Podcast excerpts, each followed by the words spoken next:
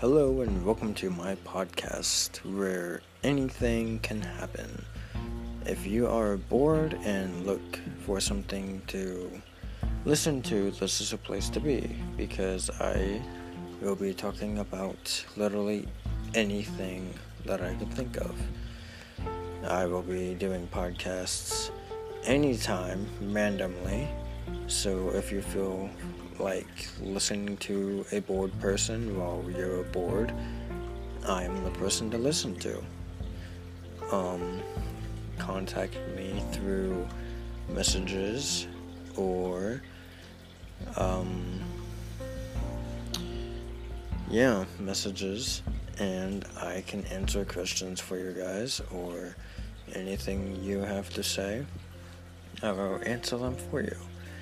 Um, but yeah, welcome to the boring side of podcasting.